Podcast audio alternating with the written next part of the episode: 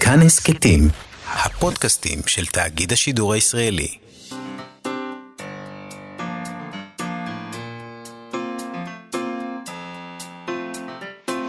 מה שכרוך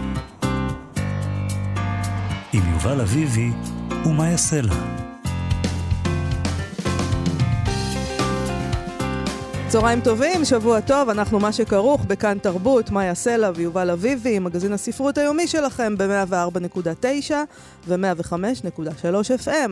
שלום גם לתמר בנימין ודימה קרנצוב שעושים איתנו את התוכנית היום, ושלום יובל. שלום מאיה.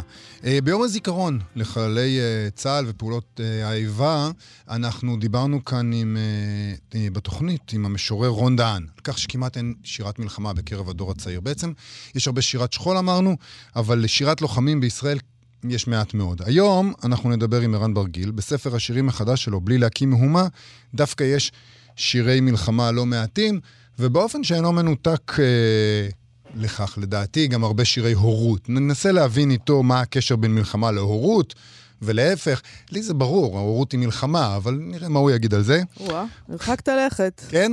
כן, ברור. כן. זה שטות, ההורות היא מלחמה. כן, כן נכון. זה נכון, זה הקשר. זה נכון, הרחקתי okay. אוקיי, לכת. כן. Uh, נדבר גם עם פרופסור מירי אליאב פלדון, מתרגם את הספר עבר אחר, היסטוריה נוגדת מציאות של ריצ'רד אבנס, שיצא עכשיו בהוצאת מאגנס, ובו דיון מלא דוגמאות על האופן שבו היסטוריונים מבקשים לחקור מה היה אילו.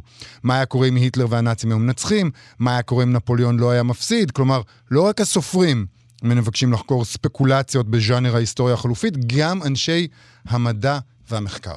אם כי בסופו של דבר אפשר להגיד שאבנס הוא, הוא מסתייג מה, מהפרקטיקה הזאת, אבל בסדר. לגבי, לגבי uh, אנשי מחקר, לסופרים הוא לא אומר מה לא, לעשות. לא, לסופרים, הסופרים יכולים לעשות מה שהם רוצים. uh, אז אנחנו נתחיל עם, גם כן היסטוריה חלופית, מה היה קורה אם פרס ישראל היה מתנהל בלי שערוריות.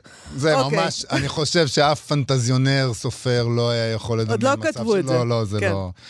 אנשים אומרים לעצמם, אולי נכתוב את זה, אומרים, לא, לא, לא, זה לא, זה לא, לא אמין. לא אמין. אוקיי, פרס ישראל לחקר הספרות הוענק ביום העצמאות, כידוע, לפרופסור ניצה בן דב, כשרק שתי שופטות חתומות עליו, יושב ראש ועדת השיפוט, יושבת ראש ועדת השיפוט, פרופסור עליזה שנהר, והסופרת יהודית רותם. אה, כפי שדיווחנו לפני מספר שבועות, השופטת השלישית, פרופסור יפה ברלוביץ', הסתייגה מהבחירה בבן דב, ולא הסכימה בסופו של דבר לחתום על ההחלטה, אלא שבסעיף 18 של תקנון פרס ישראל כתוב כך: שר החינוך ימנה את ועדות השופטים בכל אחד מהמקצועות והתחומים שבהם יוענק הפרס באותה שנה, תוך התייעצות עם מומחים בתחום. כל ועדת שופטים תהיה בת שלושה עד ארבעה חברים וחברות שייצגו את כל תחומי המשנה, ואחר כך שר החינוך רשאי, במקרים מיוחדים, להגדיל את מספר חברי הוועדה. בכל אופן, הוא לא חייב להיות, אה, אה, הוא, הוא לא יכול, הוא יכול להגדיל, אבל לא להקטין. לפי התקנון על חלוקת הפרס, חייבים להיות חתומים לפחות שלושה חברי ועדת שיפוט. עכשיו, גם כזכור, פרופסור יפה ברלוביץ', כפי שחשפנו כאן, אה, כתבה לאחר ההכרזה על הזוכה מכתב לשר החינוך יואב גלנט, ובו טענה שהאופן שבו הורכבה הוועדה, היו לו הסתייגויות מהאופן שבו הורכבה הוועדה, כמו גם האופן שבו הוועדה פעלה, ובסופו של דבר מהבחירה היו לה הסתייגויות. זה לא היה, האופן שבו הורכבה הוועדה ופעלה, לא היו הולמים לדעתה, היא טענה בגדול, מאוד בגסות אני אומר עכשיו, שהוועדה הורכבה על מנת לבצע תיקון מגדרי, שחברת הוועדה יהודית רותם לא הייתה פגיעה, בקיאה בחומר הנדרש, ובעיקר כי בן דוב, וזה ציטוט, לא עומדת בסימן המצוינות של משכמה ומעלה. זה מתוך המכתב שלה ליואב גלנט, שר החינוך. אה, היא גם כתבה שם כי בניסיונותיה לשנות את הבחירה, היא כותבת, מצאתי את עצמי במיעוט, כל ניסיון מראש לשכנע ולנמק לגבי הבחירות שלי עלו בתוהו, והיא הציעה לשר לזמן ועדות בנות חמישה שופטים, ולא שלושה, אלא שעכשיו, כאמור, מסתפקים בשתיים. יש עוד דבר, אה, אחרי שפרסמנו את הדברים, אה, פרופסור יפה בלוביץ' כתבה מאמר בהארץ, ובו הסבירה את עמדתה וטענה כי לא התפטרה. ולא התחרתה. בדיוק, לא התחרתה בכלל. ככה היא כתבה, לא התפטרתי ולא התחרתי. כפי שכתבו בכלי התקשורת. זה אנחנו. התלבטתי, היססתי, מותר לי, ככה היא כתבה. כאשר הסכמתי עם הבחירה, עשיתי זאת למרות הביקורת, חלילה לי לפגוע בפרס ישראל, אלא שעכשיו, כאמור, בשקופית שהוצגה עם זכייתה של ניצה בן דוב, הוצגו בצוות השיפוט רק שתי שופטות, ולא שלוש, והשם שנעדר הוא שמה של ברלוביץ' כמובן. אה, וזה מעניין, כי עוד מעט נראה את אה, פסיקת בג"ץ. בעניין הזכייה הזאת, שמסתמכת בין השאר גם על העובדה שהיא הצהירה כי לא התחרתה. במשרד החינוך דחו אז את הטענות, רק נגיד, ומסרו כי הוועדה שנבחרה לדון במתן הפרס לחקר הספרות העברית והכללית פעלה באופן מקצועי ובלתי תלוי, וכי החלטתה הסופית התקבלה ללא משוא פנים וללא כל דופי. נכון. אז במקביל דיווחנו גם על בג"ץ שהוגש נגד ההחלטה להעניק פרס ישראל לניצה בן דב, ומכיוון אחר, אה, גלעד פדווה הגיש בג"ץ עם כל מיני סוגים של טענות, אוקיי? בג"ץ דחה את העתירה שלו. אה, נגד הזכייה של פרופסור ניצה בן דב, אה, וכך כתבו השופטים סולברג, מינץ וגרוסקופ. קודם כל הם כתבו שנקודת המוצא ובמקרה דנן אף נקודת הסיום לדיון בעתירות מעין אלו היא ההלכה הנוהגת מזה שנים לפי המרחב ההתערבות השיפוטית בהחלטותיהם של ועדת השופטים ושל שר החינוך בנוגע להנהגת פרסי ישראל הוא מצומצם ביותר ושמור למקרים חריגים, חריגים ביותר ולנסיבות יוצאות דופן. מה זאת אומרת? הם לא, מתערב, הם לא רוצים להתערב בזה, זה מה שהם אומרים. גם אנחנו היינו רוצים לא להתערב בזה. אה, זה כמו ההורים כזה שאומרים לילדים שלהם, אה, אתם יודעים מה? תפתרו את זה לבד. אה, אבל בכל זאת הם מתעמקים בטיעונים, היו לו שם כל. מיני טיעונים, אה, וקובעים בכמה עניינים עליהם הוא מלין. הם, הם, הם עוברים אחד-אחד. פדווה טען על ניגוד עניינים, אני, אני כותבת, יש לו שם אה, גם עניינים שלו, שלו במערכת, עניינים של עבודה. כן, ו... הוא טוען להתערבות לא במקום העבודה ו... ו... נכון, אז לזה אני ממש לא נכנסת. אני אגיד ככה, פדווה טען על ניגוד עניינים בין השופטות לזוכה. שופטי בג"ץ כותבים, טענות העותר לניגוד עניינים לכאורה שהתקיים בקרב חברות ועדת השופטים אינן מצדיקות התערבות שיפוטית כמבוקש על ידו. Uh, בהתאם לסעיף 19 לתקנון, חברי ועדת השופטים, הם, זה, זה התקנון, יחתמו על טופס הצהרה על היעדר ניגוד עניינים. Uh, ולא נטען בענייננו שחברות ועדת השופטים לא חתמו על הצהרה כאמור. Uh, בקשרים אלה שאינם חורגים מהקשרים החברתיים והמקצועיים המקובלים בין אנשי ספרות וחוקרי ספרות, לא ניתן לראות קשר בעייתי ופסול, כלשון העותר. כלומר, הם אומרים כזה דבר. הוא טוען שיש ניגוד עניינים בין, ה, בין השופטות לזוכה, והם אומרים, אבל הם חתמו על, על uh, טופס ניגוד עניינים, אז אין ניגוד עניינים, שזה... נכון, לפי התקנון, שכפי שראינו, הוא מעל הכל. זה דבר שהולכים לפיו ללא שום הסתייגות, התקנון הזה.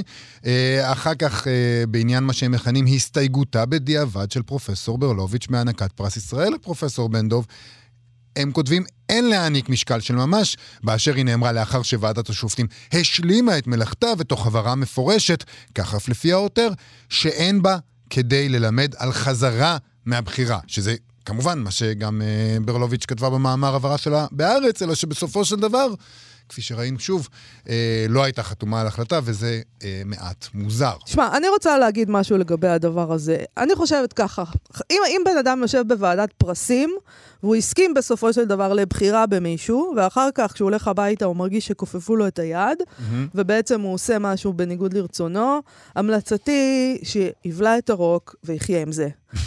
באמת, אין, אי אפשר. אני חושב... אה, אני, אני מצטערת, אני ישבתי קצת פה ושם, לא בוועדות כאלה מכובדות, או אבל... או תשבי, או תשבי, אה, ותראי מה לא, זה. לא, תשמע, לפעמים אתה לא בוחר בבן אדם שכשבאת מהבית אמרת, אותו אני רוצה. כי יש רוב... כי יש עוד אנשים, יש כן? עוד אנשים.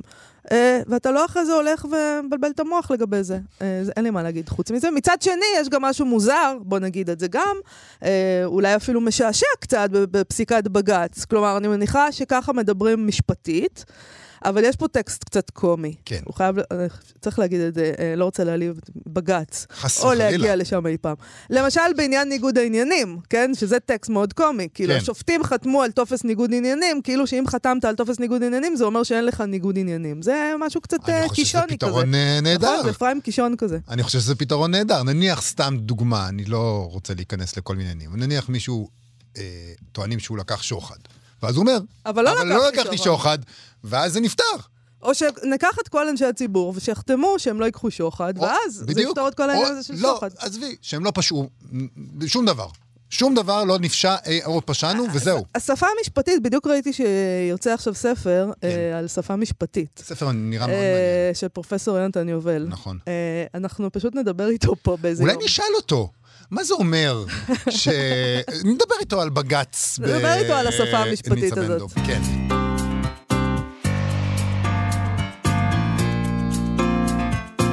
אנחנו מכירים את הניסויים האלה, יובל, מהז'אנר אה, של הספרות הספקולטיבית, אה, היסטוריה חל, חלופית. מה היה קורה אם המנדט הבריטי היה ממשיך בישראל, למשל, כמו שקורה בספר מנדט של ניסן שור, שדיברנו עליו בשבוע שעבר, נדמה לי. מה היה קורה אם הנאצים היו מנצחים, כמו האיש במצודה הרמה של פיליפ, פיליפ קיי דיק? או אה, שארצות הברית עצמה הייתה הופכת לנאצית, כמו בקנוניה נגד אמריקה של פיליפ רוט. אבל לא רק הסופרים, מסתבר, משתעשעים באפשרויות האלה, גם היסטוריונים רציניים עושים את זה. אותי זה מאוד משמח, כמובן. Uh, בספר החדש עבר אחר, שיצא בהוצאת מגנס, בוחן ההיסטוריון ריצ'רד אבנס את ההיסטוריונים שעשו שימוש מחקרי בערך באפשרות הזאת, ונראה שבגדול הוא לא מאוד מרוצה מכל הדבר הזה. Uh, ועדיין הוא כתב ספר מאוד מאוד מעניין. זה ספר מקסים. זה ספר נהדר, אני חושב ש... אני חושב שלראות שחוקרים מרשים לעצמם לעשות את הדבר הזה, והם לוקחים את זה ברצינות. אומרים, בואו נראה מה, מה, מה, יכול, מה האופציה הזאת יכולה ללמד אותנו על ההיסטוריה שלנו. אבל אנחנו צריכים לשאול את עצמנו גם למה אנחנו כל כך רוצים שהיסטוריונים יעשו את זה. אבל אוקיי, אולי נשאל. איתנו כדי להבין את כל השאלות האלה, מתרגם את הספר ההיסטוריונית, פרופסור מירי אליאב פלדון. שלום לך. שלום וברכה. אז קודם כל, אה, למה, אולי נשאל למה היסטוריונים רציניים משחקים בנדמה לי הזה, או אולי, ואחר כך נשאל אותך למה אנחנו רוצים שתשחקו בזה, אולי. אה, אה, אבנס אה, מסביר, קודם כל הוא סוקר אמ, את המבחר העצום, שממש מפתיע כמה הרבה חיבורים מהסוג הזה נכתבו בעשורים האחרונים. גם מה שהזכרתם, זאת אומרת fiction, כן, רומנים שמשחקים עם האפשרויות האלה, כמו הקנוניה נגד אמריקה, אבל יש עוד רבים אחרים. כן. אה, אבל גם באמת מחקרים היסטוריונים מאוד רציניים שמפרסמים מאמרים, מפרסמים ספרים, מפרסמים קבצים שמעוררים את השאלה הזאת. אה, אז אבנס קודם כל באמת מנתח את המניעים שלהם, למה הם עושים את זה. חלק עושים את זה לשם השעשוע, זה, זה באמת כמו פאזל כזה, זה נחמד אה, לחשוב על אפשרויות אחרות. כן. אה, חלק אבל, ואולי החלק העיקרי, מביעים בזה מעין משאלת לב, משאלת לב. זה, כן, אלמלא נרצח הדוכס בסרייבו ב-1914, לא הייתה פורצת מלחמת העולם הראשונה, ואז גם לא הייתה, היינו מגיעים למלחמת העולם השנייה, ולא היו נאצים, ולא הייתה שואה. זאת אומרת, ו... זה ניסיון אולי לתקן את ההיסטוריה באיזשהו זה, אופן. זה הבעה של משאלת לב, כן. היינו רוצים שכך אה, יקרה, ו- ולא קרה. כמובן גם אה, שיש כל מיני בעיות עם המשאלת לב הזאת. רגע, כן. עוד לא נגיע לבעיות, אוקיי. כן, הוא גם, הוא גם מדבר על אה, האפשרות שמציגים את זה להפך, לא כמה שהם היו רוצים שיקרה, אלא כמסר של עידוד. זאת אומרת, אילו היה קורה כך וכך, אז יכול היה להיות הרבה יותר גרוע. למשל, אילו גרמניה הנאצית הייתה מצליחה לכבוש את אנגליה. אז כן, מעודדים אותך שזה לא קרה, ואתה צריך להיות מרוצה עם מה ש... זאת אומרת, מלחמת העולם השנייה אומנם הייתה איומה ונוראה, והעולם סובל עדיין מההשלכות שלה במובן מסוים, אבל היה יכול להיות הרבה יותר גרוע. היה יכול להיות יותר גרוע. מבחינת אנגליה באמת אה, יכול היה להיות יותר גרוע. אה, וזה גם מעין, אה, יש כאלה שבוחרים את זה כמין שיטה של אזהרה. אומרת, אה, גם כיום, מה שקרה בשנות ה-30 וה-40, גם כיום גרמניה מנסה להשתלט על אירופה, אומנם בדרכים של אה, מסחר והאיחוד האירופי, אבל זה גם איזה ניסיונות השתלטות, ואנחנו מזהירים מפניהם. אבל, אבל יש, גם, יש גם אולי ניסיון... ללמוד על ההיסטוריה האמיתית שקרתה נכון, נכון. על ידי השוואה. זאת אומרת, הם אומרים, אנחנו לא סתם משחקים, ואנחנו לא רק מעודדים, ואנחנו לא רק אה, זה, אפשר ללמוד על מה שהתרחש אה, אחר כך באמת, מה ההיסטוריה האמיתית שקרתה, אם רק נסתכל רגע על החלופות. נכון, זה, זה בדיוק אה, אחד העניינים העיקריים. זאת אומרת, אנחנו נבחן לעומק, בדרך זו נבחן לעומק את הנסיבות שגרמו להתפתחות כפי שהתפתחה. אה, ו- ונטען ש- שזה לא היה כורח. זאת אומרת, זה כאילו, רוב החיבורים האלה הם נגד התפיסה הדטרמיניסטית, שמה שקרה היה מוכרח לקרות. אז אם נבחן את, ה, את, ה, את החלופות של ברגע מסוים, נבין יותר למה קרה מה שקרה. אה, אז מה, מה, אבל הוא בעצם, העמדה שלו לגבי זה היא לא, היא מסויגת, בוא נגיד. כן, אז הוא, הוא אומר ככה, הוא, קודם כל הוא מביא המון דוגמאות, באמת חלקן אה, מאוד מעניינות כשלעצמן, אבל המסקנה שלו בסוף היא שהתועלת בסוג הזה של המשחק היא מעטה. אה, האומנם, כמו שאמרנו לפני רגע, ההיסטוריה נוגדת מציאות, יכולה לפעמים לעזור, להבהיר יותר את, ה, את הנסיבות לאירוע שאכן קרה, מדוע נבחרה דרך אחת ולא אחרת, אבל לטווח ארוך אין בה תועלת. זאת אומרת, אם, אה, הוא אומר, לתהליך ההיסטורי יש יותר מדי גורמים, יש יותר מדי צמתים. אי אפשר לדעת מה היה גורל האימפריה הבריטית אילו אנגליה נשארה ניטרלית במלחמת העולם, כמו שאחדים אומרים. Mm-hmm. אי אפשר לדעת מה, האם אנגליה באמת הייתה נשארת קתולית לאורך זמן אילו הארמדה הספרדית ניצחה ב-1588. אבל מלבד זה הוא אומר, מלבד הכשלים הלוגיים, יש כשלים לוגיים בתפיסה הזאת, שכן מניחים שאם תוציא משבצת אחת, תוציא חתיכה אחת, כל ההיסטוריה תתפתח בכיוון אחר. ושאתה יכול לנבא, זה, זה כשל לוגי. לא, אבל, נשמע... אם, אבל אם היינו, אבל אם מישהו היה מצליח להתנקש בהיטלר בהתחלה, או סתם היה נדרס בתאונת דרכים. אז אולי אז... היה פשוט היטלר אחר. זה בדיוק, יש אגב רומן כזה, הרומן של, אה, של השחקן הנפלא הזה, סטיבן פריי, mm-hmm. שכתב ספר שנקרא Making History, mm-hmm. וזה בדיוק כזה, זאת אומרת, הוא, הוא מתאר מציאות שבה היטלר לא נולד. ו- אבל בסופו של דבר קם מנהיג נאצי אחר, ו- או, כן, מתפתחת תנועה נאצית והיא עוד יותר גרועה ממה שהיטלר עשה. זאת אומרת, זה, זה לא באמת היה משנה את המציאות. אבל התפיסה אגב, הזאת הוא... היא מאוד מאוד, את יודעת, אני לא היסטוריון, אבל אתה מדמיין לעצמך את מקצוע ההיסטוריון, ככה אני מפנטז, זה על מישהו שיש לו איזה מין רשת במוח. שהכל בערוג וכל הנסיבות משתלבות זו בזו, ומה שקרה בסין ב-1700 משתלב עם מה שקרה באירופה, ו- וכל הדברים ברורים לו. כמובן שזה אידילי מאוד. אני מקווה. היסטוריון על לא כזה. ככה. אז, אבל... אז לא, אבל התפיסה הזאת שיש אירוע אחד, זה כמעט מנוגד לאיך שאנחנו תופסים את מקצוע של, ההיס... של ההיסטוריון. תראה, מה, אה, הוא, הוא, הוא אומר עוד משהו מאוד חשוב, אה, אבנס.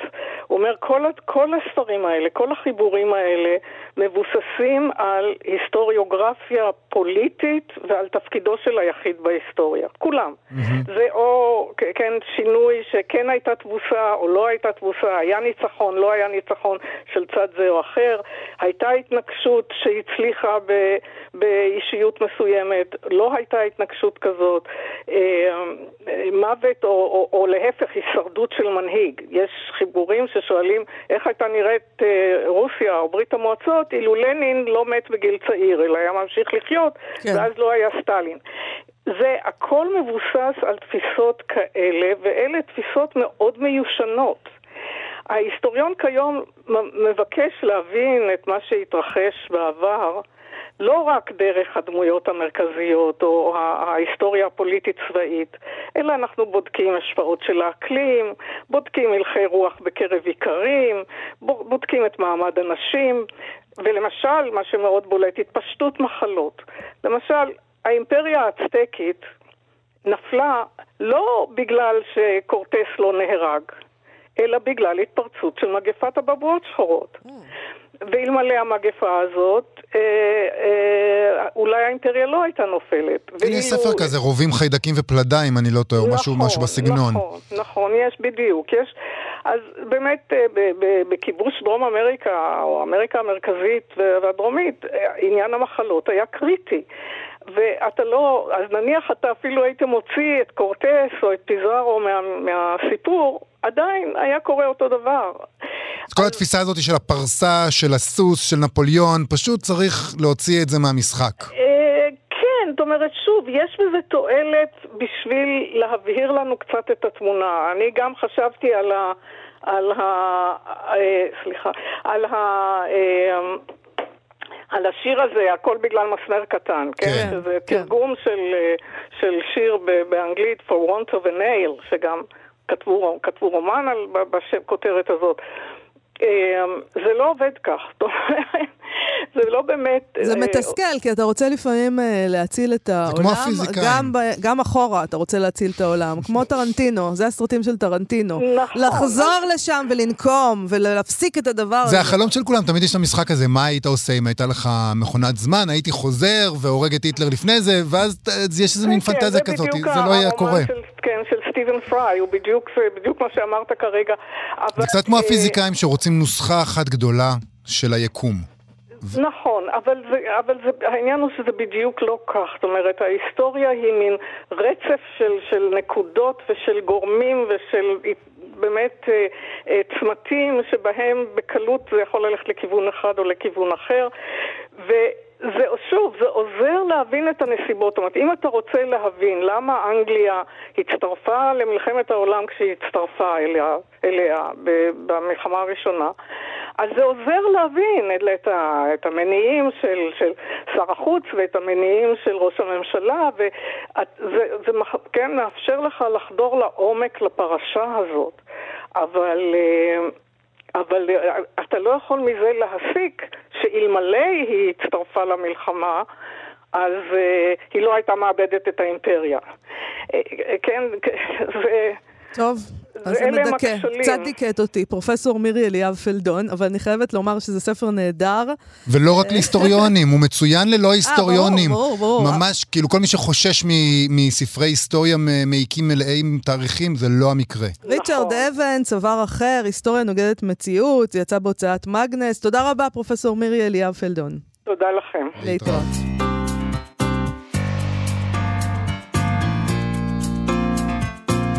בשיר שנתן אה, לספר שירה וחדש של ערן ברגיל את שמו, בלי להקים מהומה, ספר שיצא בעם עובד, אה, מפרט ערן ברגיל את כל מה שההורים נותנים לילדים. שזה הכל בעצם.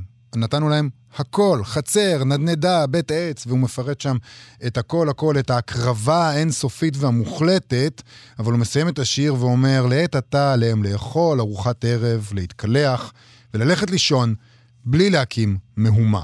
וההורות והיחסים עם הילדים אה, מרכיבים חלק ניכר מהספר, אבל לא פחות ממנו, ואולי לא במנותק, גם המלחמה והאדם שנותר אחרי שהלוחם מסיים להילחם. אה, ערן ברגיל הוא סופר, משורר, תסריטאי, מוזיקאי, הוא פרסם שמונה ספרי פרוזה וארבעה ספרי שירה שחלק מהם עובדו לתסריטים, וחלק מהם הפכו לאלבומי מוזיקה. שלום ערן ברגיל. שלום יובל, שלום מאיה. בוא נתחיל עם uh, קריאת שיר אחד שבחרת לנו מתוך, התס... מתוך הספר. אני אקריא אה, שיר מספר 94. משהו על החלון הפתוח, על מוטיב לוח השעונים, על כיוון הרוח על הפנים, שעוברות בזמן כמו מגנט בעננת שבבים, על הדרך שמרחלת, על האנושות המזדחלת כמו ירוי, מותירה מאחוריה פס דם דהוי. משהו קטן מתוך משהו גדול, גרגיר מתוך החול. משהו שאפשר לחוש, ללוש כמו עלילה, לכתוב אותו על קלף, להצפין במזוזה. משהו כמו, דע לאן אתה הולך, ומאין אתה בא. השיר טוב, הזה... שכחת להגיד, אבל אה, אני, אני מניחה שכבר מותר להגיד את זה בשלב הזה. אה, למרות שאנחנו לא קוראים לך עין, שאתה גם טייס. אה, ולא סתם, יש הרבה, אתה יודע, המ- המוטיב לוח השעונים, נכון? אה, דווקא מוטיב לוח השעונים הוא לא מ... לא משם? במקרה הזה הוא מ... מ- מ- מהמכונית? מה- מהמכונית, ולא דווקא ממטוס, אבל... אה, כן, במטוס עדיף. לא לפתוח חלון, לדעתי, במטוסים שאתם טסים בהם. כן, זה קשה לפתוח חלון. אמ, אבל זה לא מנותק, זאת אומרת, העניין הזה שאתה יושב מאחורי לוח שעונים, אני מניח שזה תמיד אה, מתערבב, לוח השעון, לוחות השעונים שהיו לפניך.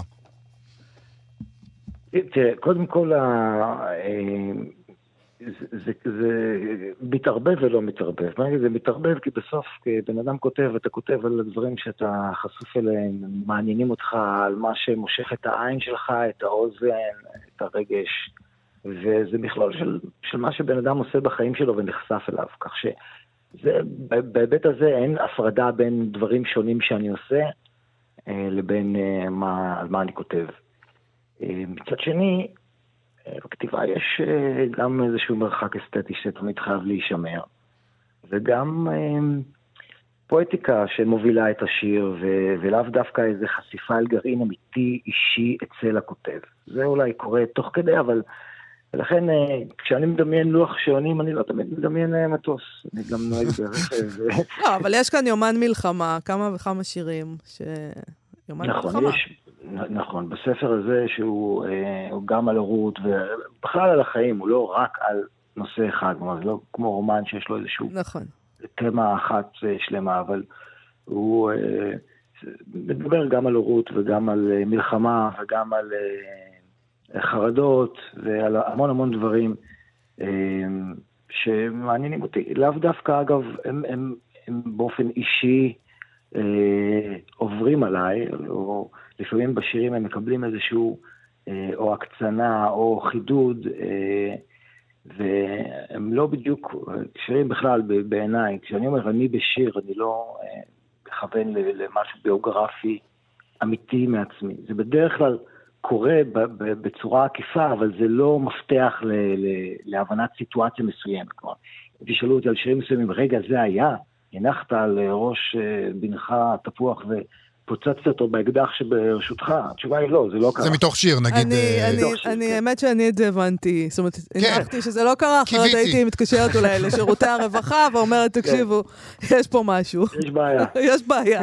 אבל, אבל מה שכן זורם לאורך השירים, וגם בשיר שהקראת לנו, וזה אולי כן נוגע למלחמה, זה העניין הזה בין החיים היומיומיים, חלון פתוח, נסיעה, אה, משהו עובר בזמן, אה, על הדרך שמרחלת, על האנושות המזדחלת, ואז היא מגיעה, מגיע איזה משהו ירוי שהיא מותירה מאחוריה פס דם דהוי. זאת אומרת, הדרך שבה הבנאלי והשגרתי פשוט קורה, אבל יש מאחוריו משהו מאוד מאוד דרמטי.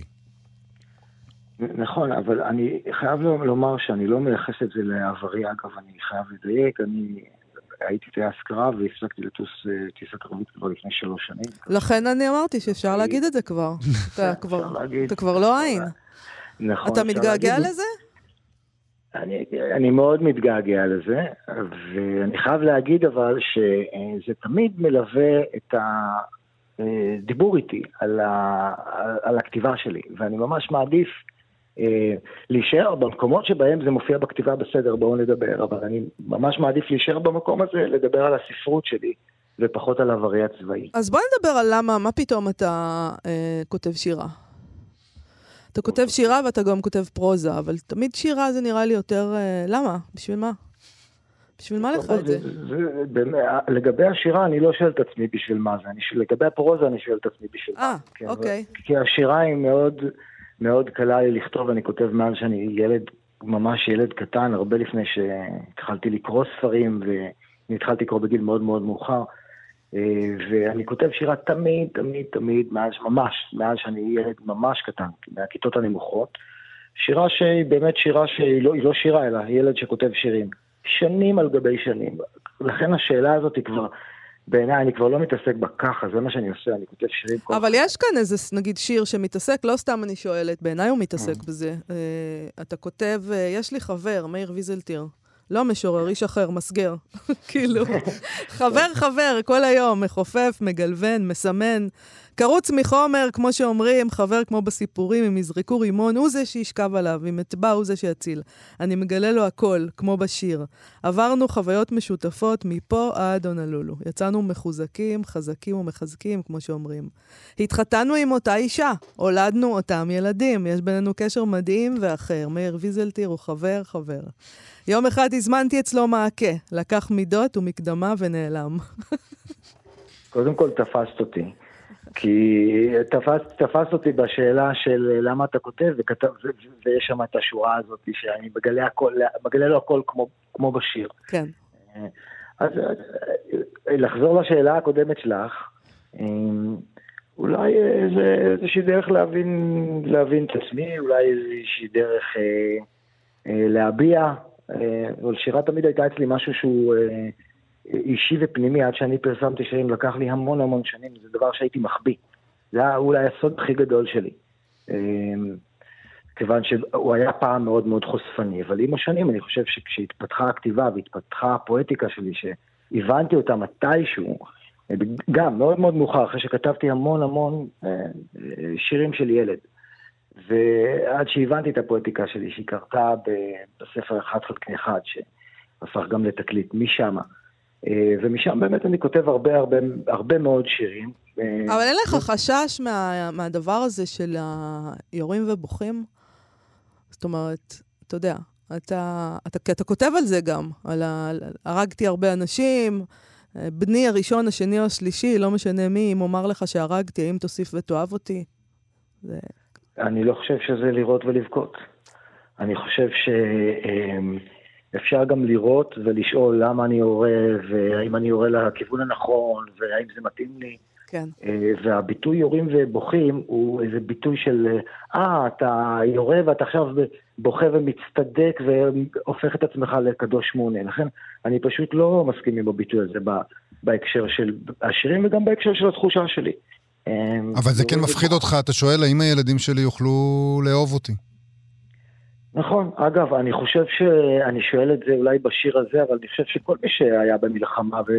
והשתתף בקרבות יכול לשאול את השאלה הזאת. Mm-hmm. אולי גם המנהיגים, ואתה שואל, אתה יודע מה, אני חושב שאולי גם צריך לשאול את השאלה הזאת, או להתעסק איתה, mm-hmm. ולא לעשות את הדברים באופן אה, אוטומטי. אותי זה ליווה כל השירות הצבאי שלי והשירות הארוך מאוד במילואים, ולא רק אותי, אני, הסביבה גם שבה אה, שירתתי ועבדתי, זה לא משהו שהוא אה, עובר אה, פעילות מבצעית. אה, ו- ו- זה לא משהו שעובר בלי אה, חשיבה, בלי אה, אה, עיבוד אחר כך, ובמקומות שזה לא עובר טוב, אז, אז אנחנו רואים מה קורה. יש טראומות ויש אה, דברים נוראים שאנשים נהרסים להם החיים בגלל שהדבר הזה לא עובר אצלם אה, ולא מעובד אצלם, ואולי גם לא טופל כמו שצריך. יש, יש לזה גם צד שלישי. יש לזה גם צד שלישי אפילו מול הקורא, כי גם, גם אתה כותב לו. אה, הקורא, אלמוני, רצחני, נקמן, לא שונה בהרבה מובנים בשיר שאתה כותב על עצמך, אה, שמתחיל... כן. ברור, ברור, נכון. כן, אני חושב נכון, שזה... כן? אני חושב שגם הקורא, אני חושב שהקורא ואני בשאלות האלה לפחות באותה סירה.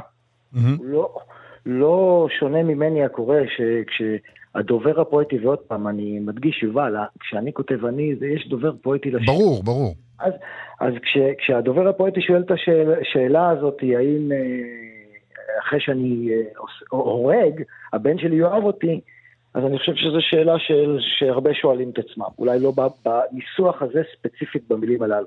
ימצאו כבר סיבה לשנוא אותנו. בדיוק, אני, אני, אני לא עשיתי, אני לא הייתי במלחמה, ואני כל הזמן לא. שואל את עצמי אם הילדים שלי יאהבו אותי, והתשובה היא בדרך כלל שלילית. אפשר להפסיק לשאול. כן, אה, אני מאוד חושש.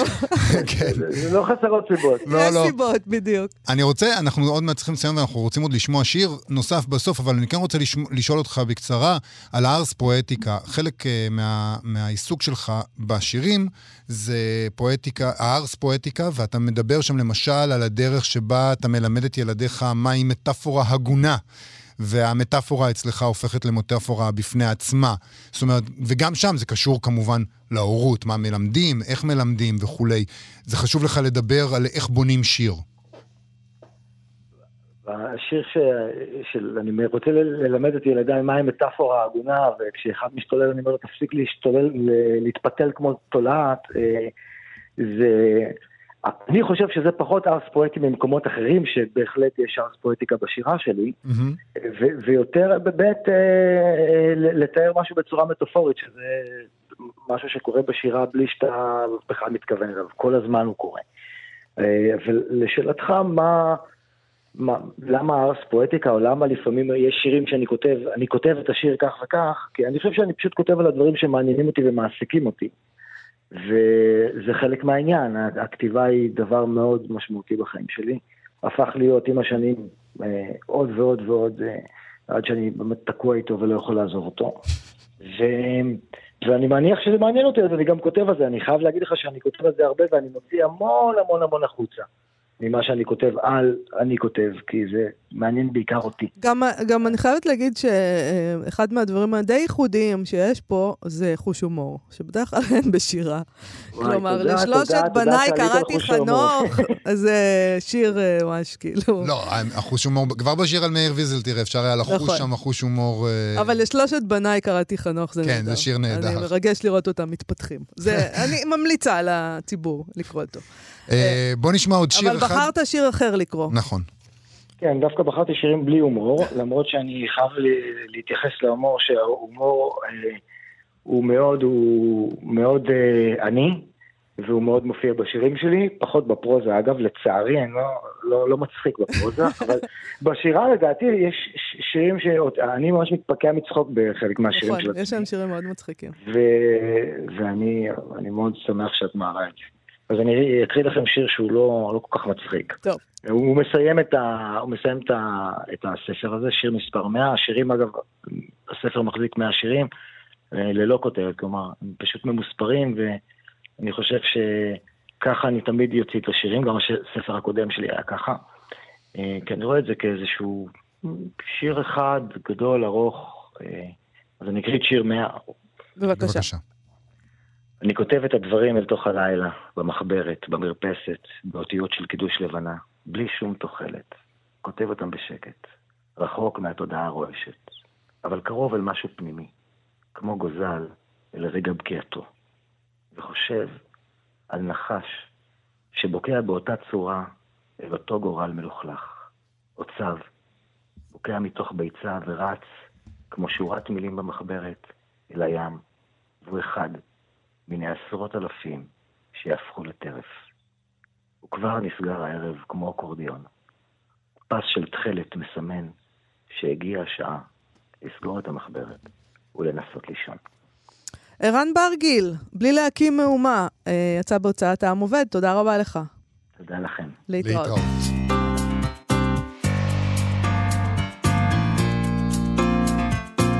אנחנו התחלנו את התוכנית הזאת עם שיחה על פרסים, על פרס ישראל, אנחנו גם נסיים בשיחה על פרסים. אה, אה, עם פינת גנזים שלנו. אנחנו נקרא על פרסים ושערוריות מתוך העולם הזה, שנת 1963. סתם כדי לראות שלא המצאנו כלום והכל אה, אותו דבר, וגם בשנה הבאה אותו דבר יהיה. נקרא את אותו טקסט בשנה הבאה. בדיוק. אמ, אני חושב ששווה לקרוא את זה, ולו בשביל הפסקת פתיחה הנהדרת. פרס ספרותי. עיקרו, הכבוד שנוחל הסופר המקבל אותו. הכסף המגיע לאלף לירות ויותר, ערכו משני בלבד. על כן סופ... סווג שפע הפרסים הספרותיים במדינה לפי סולם של חשיבות. בראש הסולם עומד פרס ישראל המוענק ביום העצמאות. פחות, אבל עדיין, כן. לא, הוא ככה. עדיין בראש הסולם. עדיין בראש... לא, רק קצת פחות. לא, לא פחות. פרס ישראל, תראה, הם אפילו לא יכלו לוותר עליו, אה, בגלל שערוריות אחרות, מרוב מרוב שהוא חשוב. מרוב שהם כל כך רוצים אותו. טוב, סתם אמרתי. השני הוא פרס ביאליק של עיריית תל אביב, ואחריהם ניצבים פרסים אשר סופרים מסוימים רואים עצמם נפגעים כאשר ועדת שופטים מחליטה להעניק אותם להם. כזה היה השבוע מצבו של פרס ברנר של עיריית חולון. לפני כשלוש שנים הוא הוענק לסופרת לאה גולדברג ולעיתונאי דוד לזר. לאחר מכן זכו בו דוב סדן ואברהם ברוידס. כאשר החליטו שופטי הפרס להעניקו השנה למשוררת יוכבד בת מרים, על קובץ שיריה נתקלו בתופעה מוזרה. הסופרת, שמלכתחילה לא שלחה את ספרה לוועדת השופטים, הודיעה על סירובה לקבל את הפרס.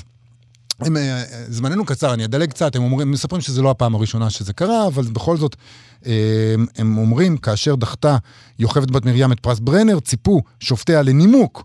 אולם בת מרים, אשתו לשעבר של הסופר חיים עזז ואחת המשוררות החשובות של השפה העברית המודרנית, לא אמרה מילה. התעלומה נפתרה רק כעבור יומיים, ולא מפיה של המשוררת. היה זה לאחר ששניים מתוך שלושה שופטי פרס ביאליק לספרות יפה, הודיעו לפתע כי הם מתפטרים. יהודה בורלה, נשיא, יהודה בורלה, נשיא אגודת הסופרים, ועזריאל אוחמני, איש הספרות השמאלית, אליה יש שייכת גם בת מרים, הודיעו למזכיר אגודתם כי לא יוכלו להוסיף ולכהן בתפקיד בו החזיקו בעקשנות בשנים האחרונות, וזאת דווקא ערב בחירת הזוכה בפרס, המוענק ביום הולדתו של חיים נחמן ביאליק. הם לא מסרו שום הסבר, הם כותבים, להתפטרותם, אולם בין מקורביהם נפוץ סיפור שנשמע משכנע ביותר. היה זה סיפור שהתאים לנוהג ולאווירה המקובלים סביב הענקת הפרסים הספרותיים. והסיפור, הם מפרטים. יוכבת בת מרים לא הגישה את ספרה לוועדת פרס ברנר כי לא הייתה מעוניינת בקבלת הפרס. מטרתה, קבלת פרס ביאליק, הנחשב למכובד הרבה יותר. כאשר קיבלה את הפרס הבלתי מבוקש, חששה כי ספרה נשלח לוועדת פרס ברנר בכוונה לזכותה בפרס זה ולהוציאה מן התחרות על פרס ביאליק, שכן קשה להעניק למשוררת אחת שני פרסים גדולים בהפרש של שבועות. עתה, משדחתה את פרס ברנר, נותרו סיכויה לזכות בפרס ביאליק. לצורך זה הוסבר, אף החלו ידידים להפעיל לחץ על ועדת השופטים. הלחץ נתקל בהתנגדותם של אותם גורמים שמלכתחילה ביקשו להרחיק את בת מרים. שני השופטים שנקלעו בתוך המריבה הגדולה החליטו להיפטר מכל העניין, ויחד עם זאת להביע שאט נפש מן הנעשה בשטח זה של חיי התרבות במדינה. לא לחינם נשמעה בסביבתם המילה פרסטיטוציה. ללמדך כי הפרס, כי המרחק בין מתן פרסים לבין פרוסטיטוציה קטן והולך. השאלה אשר הוצגה עתה, האם אמנם תקבל את פרס ביאליק, ואם כן, כיצד? מי יעניק אותו? התשובה ניתנה במהרה. פרס ביאליק לא יחולק השנה. השופט השלישי הודיע גם הוא על התפטרותו, אה, ולא נותר מי שיעניק את הפרס. יהיה זה לבת מרים או לכל מועמד אחר שעלול היה להיבחר. תמיד יש איזה מין פתרון כזה, טוב, אז לא נחלק. בדיוק. אף אחד מכם לא יקבל. אתם רבים? אני אתן לך אתם סטירה, רבים? תהיה לך סיבה לבכות. הכדור שלי, אני הולך הביתה. בדיוק. כל העניין, הם כותבים, יצאה בת מרים מפסידה. לא הועילו לה הטענות כי אז זה נתן אלתרמן, שמלכתחילה יעץ לה לדחות את פרס ברנר, והסבירו לה כי פרס ביאליק יהיה מובטח לה. נתן אלתרמן אמר לה לעשות את זה. נתן אלתרמן הוא לכל הדעות משורר דגול, קבעו בשמחה סופרים קנאים, אבל הוא לא גאון פיננסי, הוא פחות מזה יועץ לענייני פרסים. אה, התוצאה, הקובץ הלירי לא ימצא את תרגומו לשפת הכבוד ולשפת הלירות. אוקיי, אז רק נגיד שבת מרים אה, קיבלה בסופו של דבר את פרס ביאליק אה, בשנת 1964, זה בסדר, וגם את פרס ישראל בשנת 1972. אז הכל יסתדר בסוף. בסופו של דבר. נכון. אה, אנחנו צריכים לסיים, כן. נכון? זה זמננו לסיים. אנחנו נודה לתמר בנימין ודימה קרנצוב שעשו איתנו את התוכנית. אנחנו מזמינים אתכם כרגיל לעמוד הפייסבוק של מה שכרוך, וגם לעמוד הפייסבוק של כאן תרבות. אנחנו נהיה כאן שוב מחר, להתראות. להתראות. כאן הסכתים, הפודקאסטים של תאגיד השידור הישראלי.